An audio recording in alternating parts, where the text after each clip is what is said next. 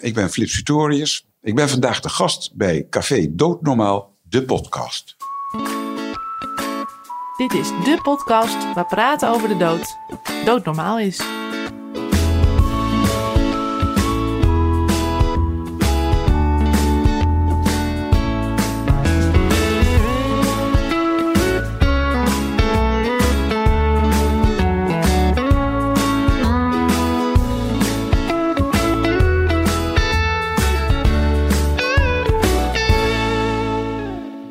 Vanuit een leeg kantoor van de NVVE heet ik je welkom bij een nieuwe aflevering van Café Doodnormaal, de podcast. Mijn naam is Gerard Ekelmans en tegenover mij zit Sebastian Hattink.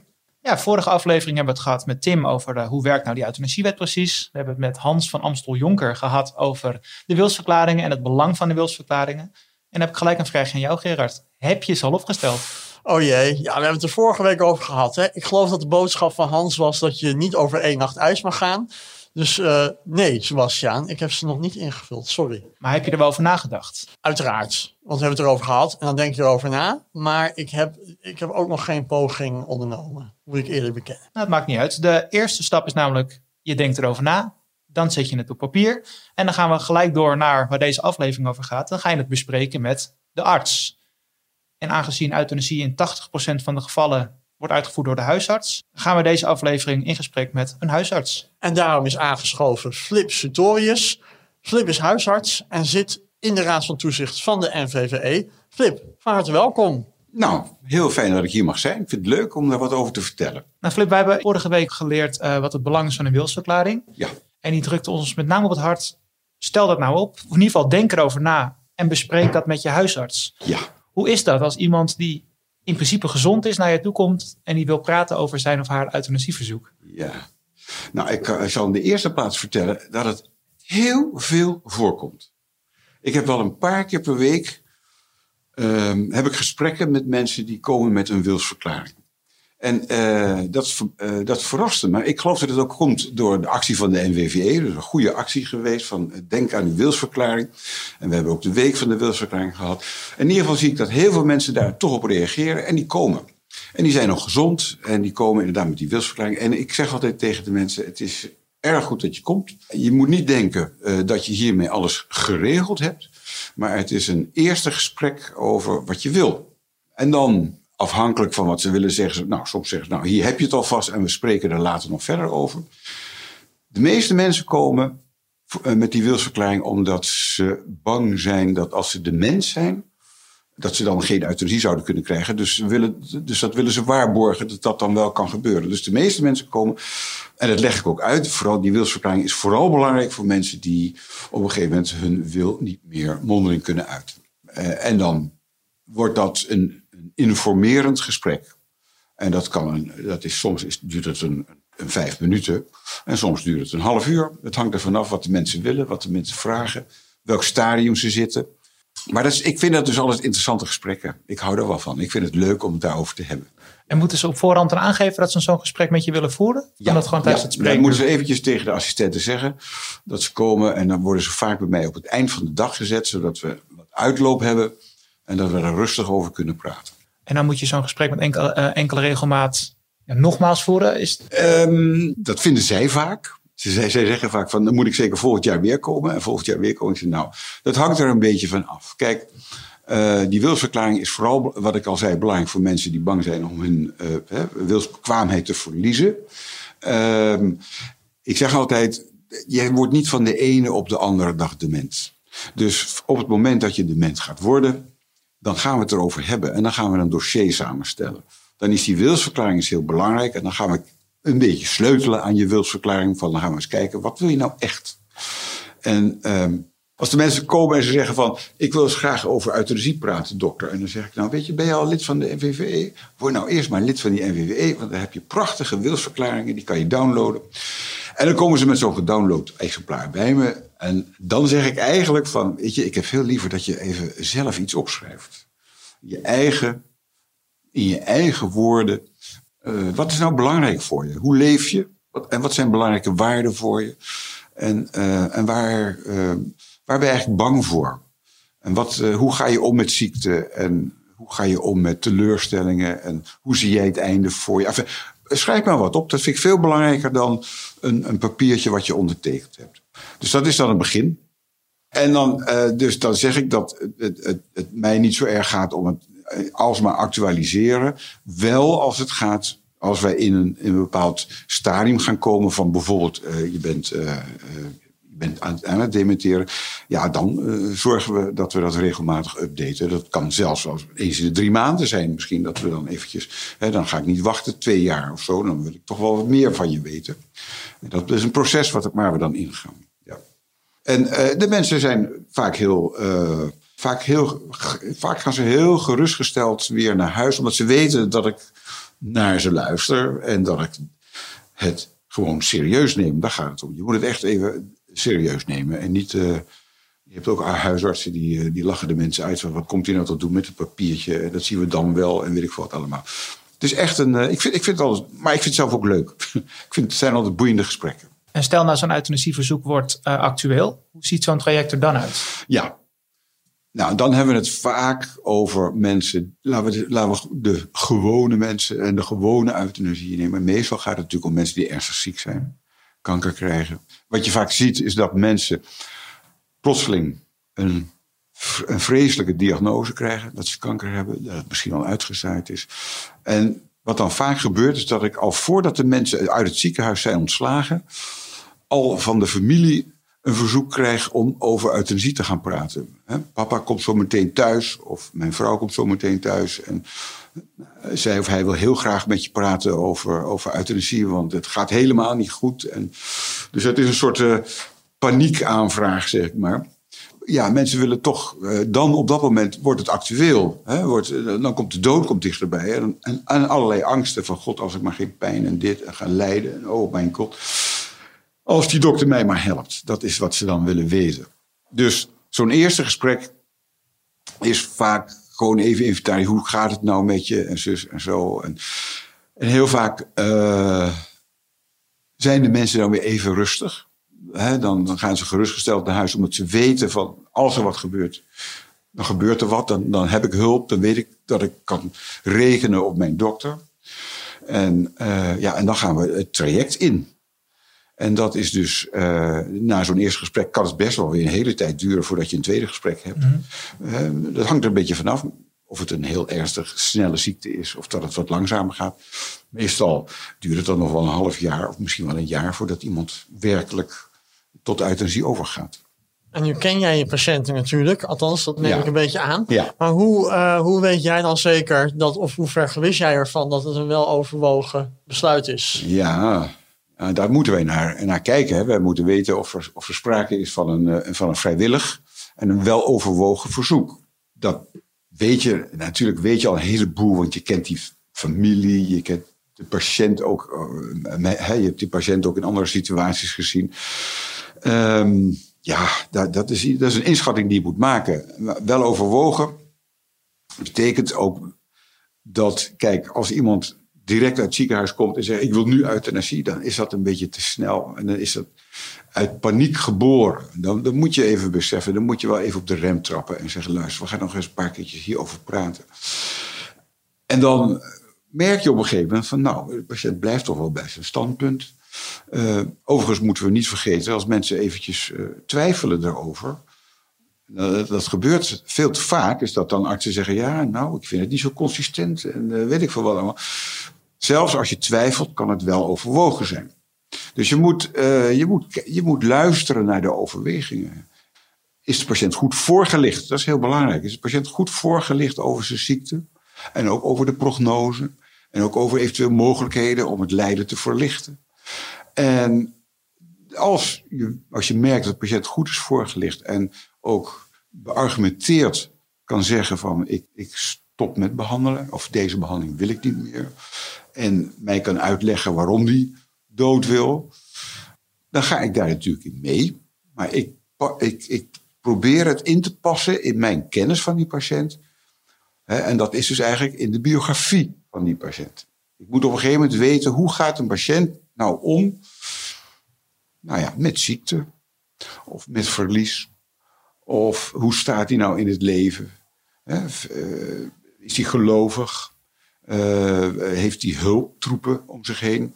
Is hoe, hoe staat het met zijn onafhankelijkheidsgevoel? Heeft, staat dat hoog in het vaandel? Hè?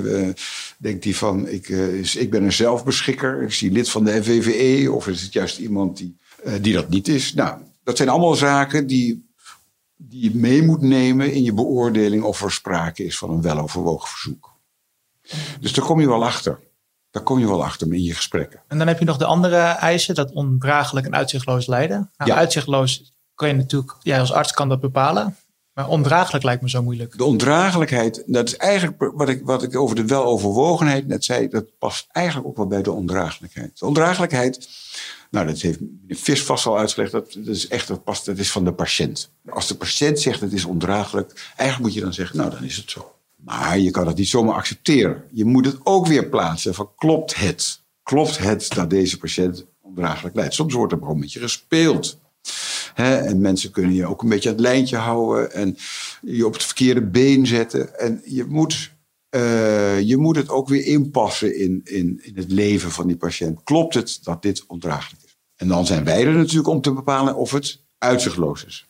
Uitzichtloos heeft te maken van, zijn er nog vooruitzichten hè, die het lijden kunnen verminderen. Of kan die ziekte, bijvoorbeeld als iemand ja, een vreselijke wond aan zijn been heeft en, en vanwege de suikerziekte en zijn been moet geamputeerd worden. Ja, dan kan je zeggen van nou, je been zou geamputeerd kunnen worden. Ik heb meegemaakt een meneer die had ook ernstige suikerziekte, ernstig, ernstig vaatlijden, waardoor hij dus problemen kreeg aan zijn benen. En toen moest er één been een groot gedeelte geamputeerd worden, een ander been een klein gedeelte geamputeerd. En dat weigerde hij. Dat wilde hij, dat paste niet bij deze man. Ik wil maar zeggen, het is zo persoonlijk. Het is zo persoonlijk. Lijden is zo persoonlijk. Bij deze man, het was een stoere vent, weet je. En het was een, was een, was een, een beetje een he-man. En, uh, weet je, en, uh, en dit paste niet. Ik kan niet zonder benen in dit leven staan. Dat, is, dat past niet bij hem. Bij hem. En ik kan me voorstellen dat andere mensen, ja, ik denk dat ik het wel zou kunnen. Maar goed, bij sommige patiënten is dat dus gewoon niet zo. Hè? Dus het is een zeer persoonlijke ervaring, het lijden. Nou, en dan moet jij kijken, klopt dat? Nou, in, het geval van deze meneer, echt, echt wat ik zeg, een human, en uh, die, die, die, die pikte het niet. Die zei, dat wil ik niet, dan is mijn leven niks meer waard. Nou, oké. Snap je, dat is, uh, dat is dat, hoe persoonlijk uh, dat is. Dus dan kan je zeggen, hè, we hebben het over die, die, die uh, ondraaglijkheid, zeg ik net maar, over de, de uitzichtloosheid. Ja, voor deze man is dat uh, ja, een uitzichtloze situatie. Hè, er is geen, je moet er samen uitkomen of er, of, er, of er nog redelijke alternatieven zijn. Dat is iets wat je samen moet doen. En voor deze patiënt waren er dus geen redelijke alternatieven. En voor jou misschien wel. Dus dat je zegt, nou, doe het wel. En deze patiënt heeft uiteindelijk euthanasie van u gekregen? Ja. En um, eigenlijk, je noemt het een aantal keer persoonlijk, maar je hebt natuurlijk ook een persoonlijke relatie met patiënten. Ze zijn jouw patiënten in jouw huisartsenpraktijk. Ja. Hoe is dat voor jou om mee te werken aan die patiënten? Komt dat niet heel dichtbij? Ja, ja. dat is wel een goede, ja, een goede vraag. Het is, dat, is, dat, dat wisselt een beetje. Ik vind het enorm waardevol dat ik dit als dokter mee mag maken. Kijk, een sterfbed, sterfbed is voor de huisarts, daar is de huisarts ontzettend goed in. Daar hebben wij ontzettend veel ervaring mee. En dat gaat niet altijd over in een euthanasie. Euthanasie is een onderdeel van een sterfbed. Helaas je dat in de, uh, is dat allemaal wettelijk geregeld, want het is, uh, het is dus niet normaal medisch handelen. Want palliatieve sedatie, daar moeten we het misschien ook nog even over hebben. Maar dat is dan nog wel uh, uh, normaal medisch handelen zit ook in het sterven. Maar dat ene stukje zit nou weer niet in het normaal medisch handelen. Dat moeten we allemaal aan gaan geven. Maar het sterven op zich, dat is iets waar wij, waar wij, waar wij goed in zijn. En wat, waar we ook heel veel voldoening uit halen. Als je dat goed doet, dan, dan kan je echt iets betekenen voor die patiënt en voor de familie. En dat is, uh, ja, je kan zeggen wat je wilt, maar dat vindt een arts heel prettig als hij ziet dat, dat zijn werk gewaardeerd wordt. En dan kan je met, met de compassie die je hebt voor die patiënt, kan je dat doen. Dus je hebt die compassie ook wel een beetje nodig. Hè, en die binding met die patiënt. Kijk, als je, als je een vreselijke persoon hebt die je moet helpen, dan, dan moet je het ook doen. Maar dan wordt het wel een stuk moeilijker. Dus het is, het is wel prettig als je, als je juist die band hebt. dan doe je het graag. Maar daar komen misschien zo meteen op. Bij jongeren heb ik daar, wat, heb ik daar een ander gevoel bij. Zal ik daar wel wat over zeggen? dan? Eh, ik zou zeggen, vul gelijk aan. Ja, Ja. graag. Ja. Wat, wat, Nou ja, dat kijk, bij jongeren daar heb, ik- daar heb ik er meer moeite mee. En eh, dat emotioneert mij meer. Als, als dokter ben je, eh, heb je geleerd om, laten we zeggen, profi- professionele distantie te hebben tot je patiënten. Je moet, of een professionele betrokkenheid. Je moet betrokken zijn, maar je moet ook weten dat, je, dat het je beroep is. Dat, je, dat, je je werk, dat het ook je werk is. En het is prettig als daar toch een leuke band is. Dat hebben we het net over gehad. Als jongere mensen zijn, zeker als ze jonger zijn dan jij, of als ze net zo oud zijn, eh, ja, als, als, je, als je kind of je, je zoon of wat dan ook, dan denk je, dan, dan, dan, dan denk je, jeetje, jeetje, zo jong en dan al dood moeten gaan. Wat verschrikkelijk, wat verschrikkelijk, wat verschrikkelijk voor, voor, voor die persoon. Maar wat, hè, want die heeft dan zo'n heel leven voor zich en dat, dat, is zomaar weggeslagen. En ook voor de, voor de nabestaanden. Ik, eh, ik kan niet, niets ergers verzinnen dan je kind verliezen. Ik ben zelf mijn broer verloren op 48-jarige leeftijd. Dat vond ik jong, want eh, hij had nog jonge kinderen en zo. Dus ik begrijp ook, ook doordat ik dat heb meegemaakt met mijn broer, dat het, het vragen om euthanasie bij jongeren is anders. Ehm, mijn broer die, die had zo'n briefje gemaakt. Die legde het briefje zo onder mij onder mijn ogen, maar keek zelf de andere kant op. Want hij dacht, nou ik, heb dat briefje geschreven over die euthanasie en voor de rest wil ik het er niet over hebben. Weet je, hij wist dat hij iets moest regelen, maar hij stond nog zo in het leven. Weet je, dat past het niet. En dat vind ik ook bij jonge mensen, dat past niet. Dat ze al doodgaan gewoon. Dat emotioneert me wel eens. Als ik, als ik die jonge mensen moet begeleiden en moet helpen. En dan denk ik, oh, oh, oh, oh, dan kan ik het echt moeite, daar heb ik echt moeite mee. Dan kan ik er echt wel slapeloze nachten van hebben. Dan denk ik, jeetje. Ja, dat is, eh, en ook jonge moeder. Ik heb laatst een jonge moeder meegemaakt die eh, zo naar de kanker had. En dan die kinderen, weet je, en die echtgenoot en, en, de en haar ouders, weet je, ook nog.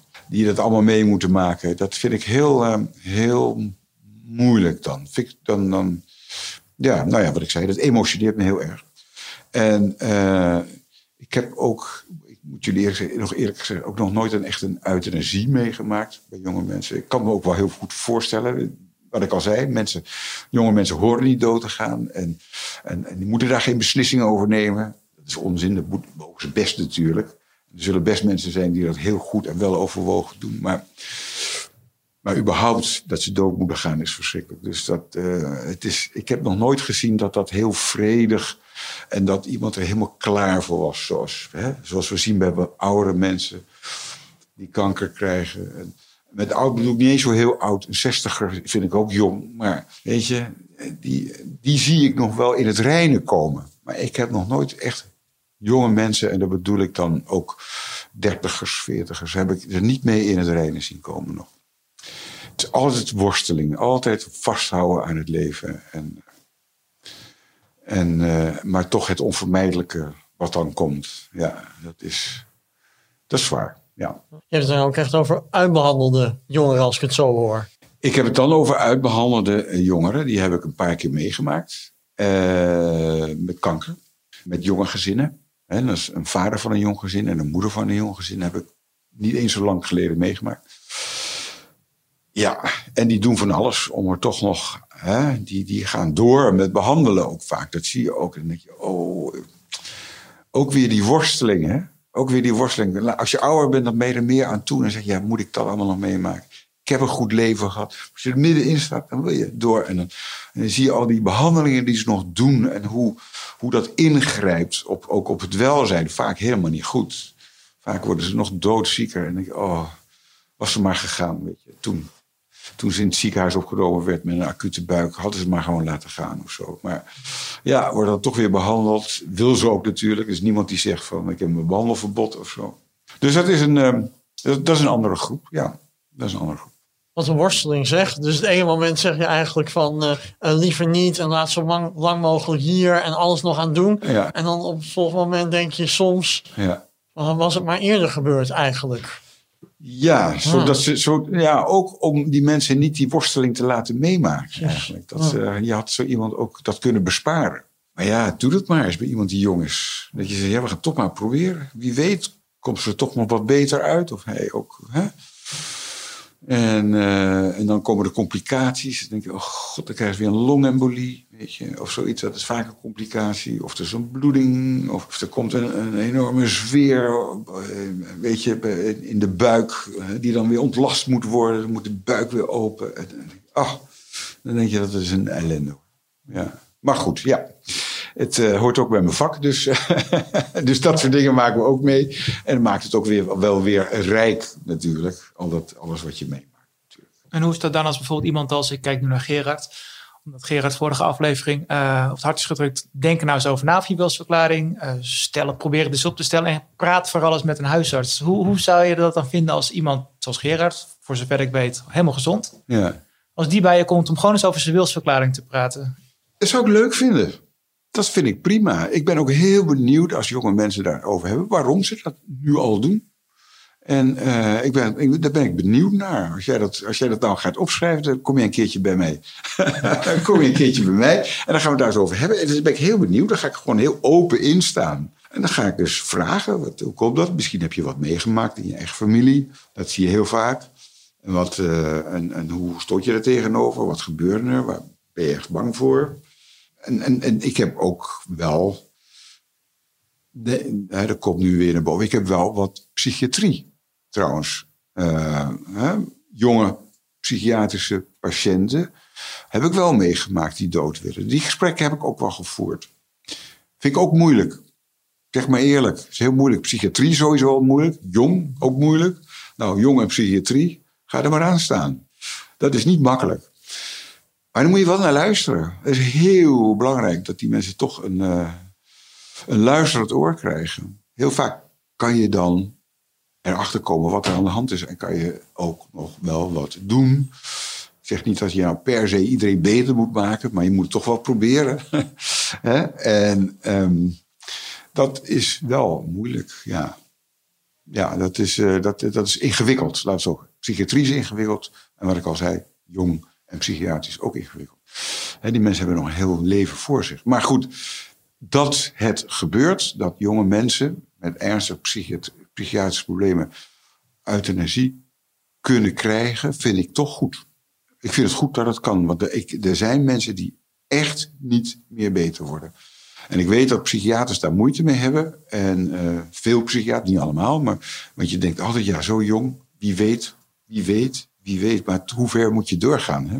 Uh, dus ik kan me wel voorstellen dat, dat jonge mensen toch uh, krijgen wat ze verzoeken als ze euthanasie verzoeken. Ja.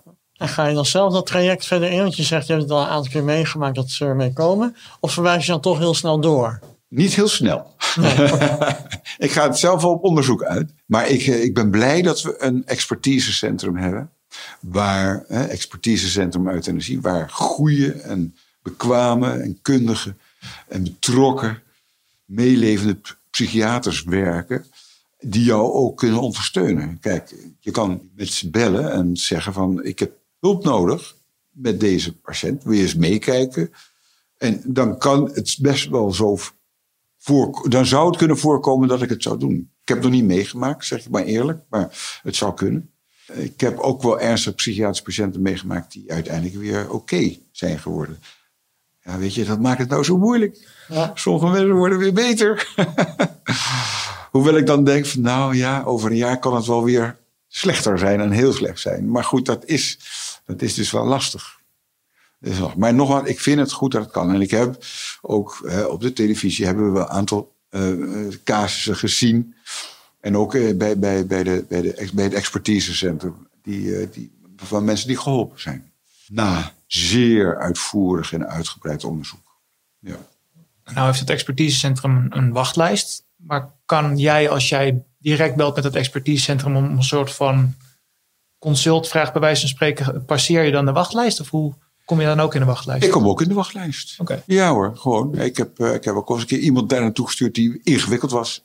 Die is gewoon op de wachtlijst gekomen. Maar ze, ze kijken naar de ernst. Hè. Kijk, hoe, hoe ernstiger, hoe, hoe sneller je boven, bovenaan die wachtlijst komt. Dus ja, ja, als, je, patiënt wil helpen, dan maak je, zorg je wel dat het een beetje ernstig is. dat is een beetje flauw. Nee, maar ik, ik zeg gewoon zoals het is. Maar hoe, als, het, als het ernstig is, dan, uh, ja goed, je moet de mensen gewoon goed informeren. Kijk, als, je, als ik vind dat iemand snel geholpen moet worden, ja, dan ga ik me daar wel mijn uiterste best voor doen natuurlijk. Ja. En dat heb ik al één keer gedaan met iemand dat ik dacht van, nou, dit gaat helemaal niet de goede kant op. En dan moet echt, uh, dat moet echt geholpen worden.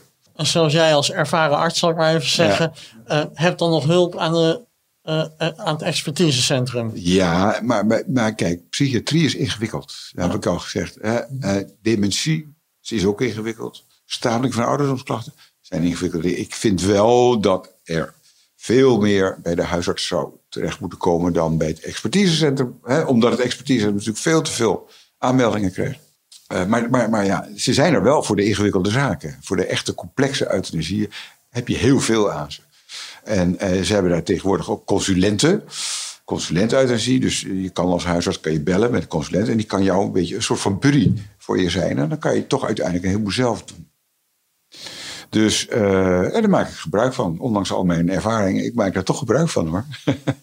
Het lijkt me toch ook wel ingewikkeld als arts dat je er in principe alleen voor staat voor zo'n beslissing iemand te helpen. En dan is een buddy inderdaad misschien wel extra fijn. Ja, ja dat, dat, is, dat is waar. Dat hele traject wat je in je eentje doet, daarom is het toch wel goed dat we scanners hebben.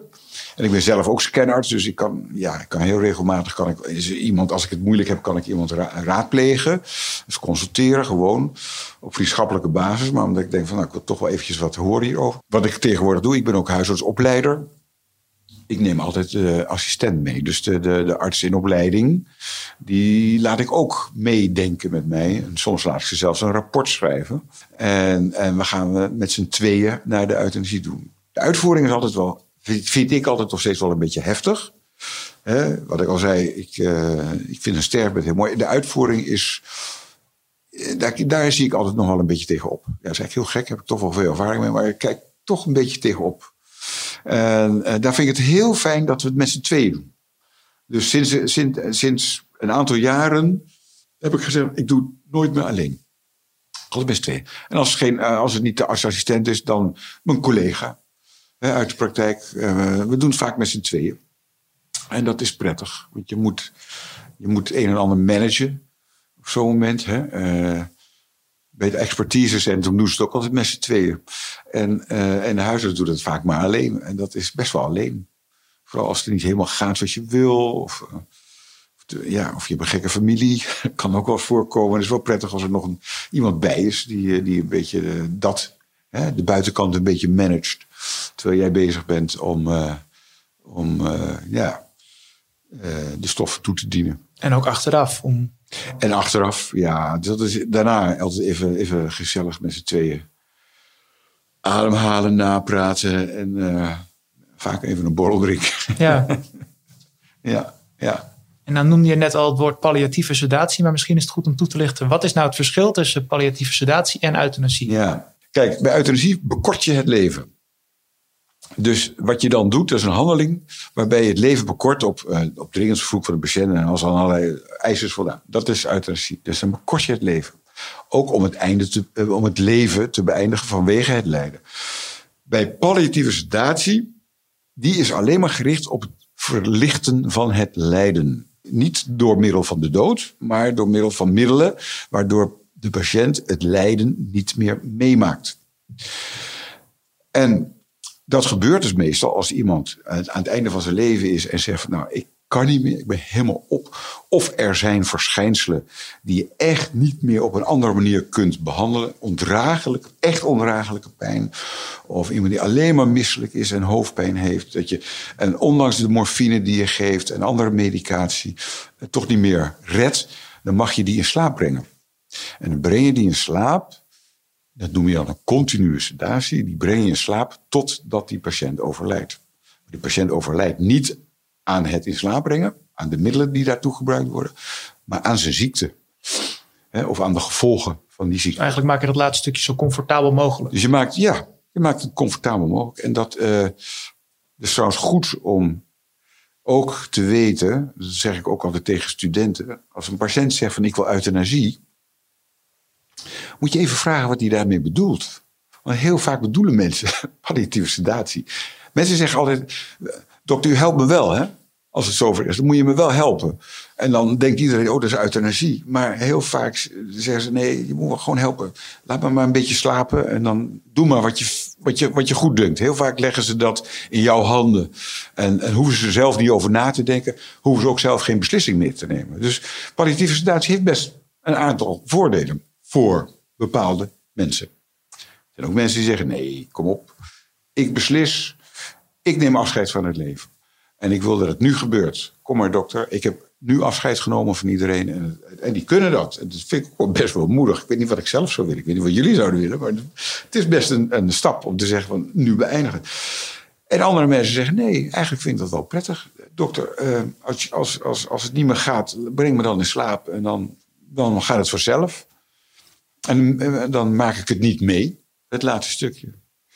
Dat is palliatieve sedatie. En dat mag. Dat is dus, dan mag een arts bepalen dat hij dat doet. En dat hoeft hij niet aan te geven, want het is een, uh, het is een natuurlijke dood eigenlijk. Het is geen onnatuurlijke dood, het is een natuurlijke dood. Normaal medisch handelen. Normaal medisch handelen, ja. Ik wilde de vraag eigenlijk niet stellen, maar ik doe het toch maar. Doe maar. Want jij bent de arts en jij gaat een euthanasie uitvoeren. En uiteindelijk ben jij dus degene die een mensenleven beëindigt. Ja. Hoe kijk je daar zelf naar als arts? Uh, ik zie, Uitvoerder. Ja, een heleboel mensen zeggen: dokter, je bent toch eigenlijk uh, opgeleid om mensen beter te maken en niet om ze dood te maken. En dan zeg ik: Weet je, ik ben arts geworden om zorg te leveren. Ik lever zorg. En ik lever ook levenseinde zorg. Ik zie het als een taak voor mij. En het past gewoon in mijn manier van kijken naar de zorg. Je hoort zorg te leveren en dat hoor je te doen aan het begin van het leven, tijdens het leven, maar ook bij het sterven lever je zorg. En dit is een onderdeel van goed zorgverlenen. Ik vind dat het er gewoon echt bij hoort. En ik vind het vreselijk als je huisarts bent en je doet het niet. Ik kan me voorstellen als je natuurlijk uh, religieuze bezwaren hebt, mag niet van je geloof, dat kan. Dat, vind ik ook, dat kan ik accepteren. Maar uit angst of ik, uh, weet je, een heleboel mensen hebben, het is niet vanuit geloof. Ze doen het niet, want ze vinden het eng of ze zijn er bang voor of uh, ze zijn er zelf niet uit. En denk ik, nou, zoek nou eens uit waarom je er bang voor bent, maar dan moet je maar geen huisarts worden. Ja, dat klinkt wel heel erg wat ik vind, maar het hoort gewoon bij het leveren van zorg. Dat vind nou, ik. Um, hebben wij het erover alsof het heel vaak gebeurt, maar hoe vaak ga je een euthanasietraject in als huisarts? Ja, ongeveer? ja. Ik weet nog dat, uh, dat we een toneelstuk aan het maken waar of ik niet, maar er werd het, hoe heet het toneelstuk ook alweer, uh, Een Goede Dood. En ik ben daarbij betrokken geweest. En er zat Huub Stapel bij. En ik weet dat Huub Stapel werd op een gegeven moment geïnterviewd op de radio. En, uh, en die zei, ja, die dokters, die maken dit mee op dagelijkse basis, zei hij. Op dagelijkse basis. Toen moest ik wel heel erg lachen, want het gebeurt echt niet dagelijks. Wij doen dit. Uh, kijk, we hebben heel vaak te maken met euthanasie, gewoon door de vragen die er zijn en, en, en de sterfbedden die er zijn. Maar het uiteindelijke uitvoering is, denk ik, gemiddeld één keer per één à twee jaar. Ja. En, maar soms heb je er drie in een jaar en soms heb je drie jaar niks. Dus dat kan. Hè? Ik, heb, ik heb ook al twee keer in de maand gehad en dan echt uh, anderhalf jaar weer niks. Dus uh, dat, wil wel, dat wil niet zeggen dat je dan geen sterfbedden hebt. Die heb je wel, maar de, uit, echt uitvoering valt reuze mee.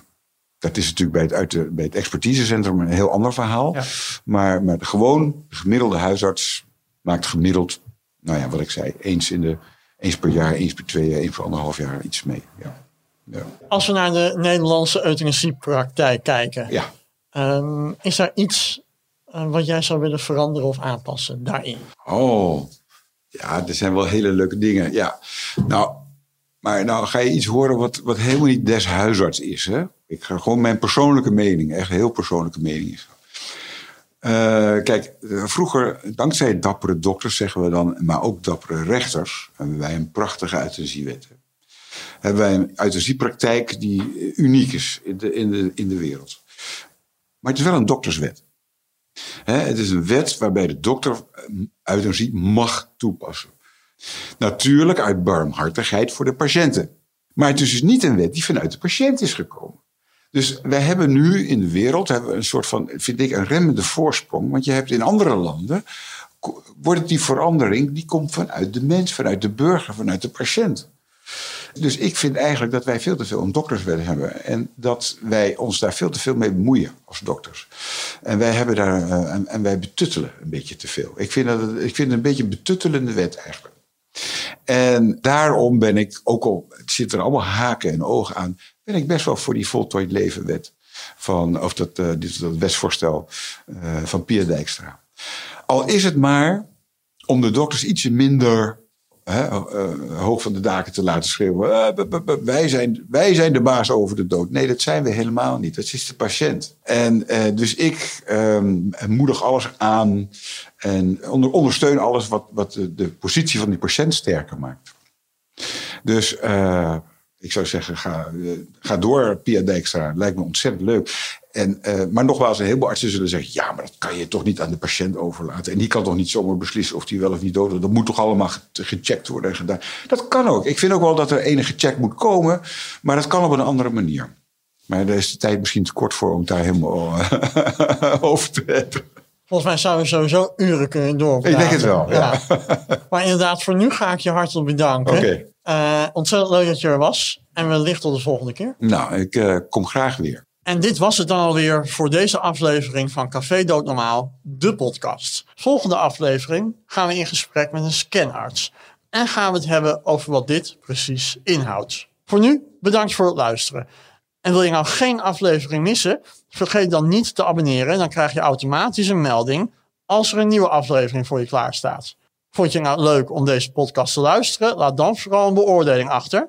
En mocht je nog vragen hebben naar aanleiding van deze podcast, dan kun je altijd mailen naar jongeren.nvve.nl. Als laatste willen we nog de NVVE bedanken voor het mede mogelijk maken van deze podcast. En zeggen we graag tot volgende aflevering.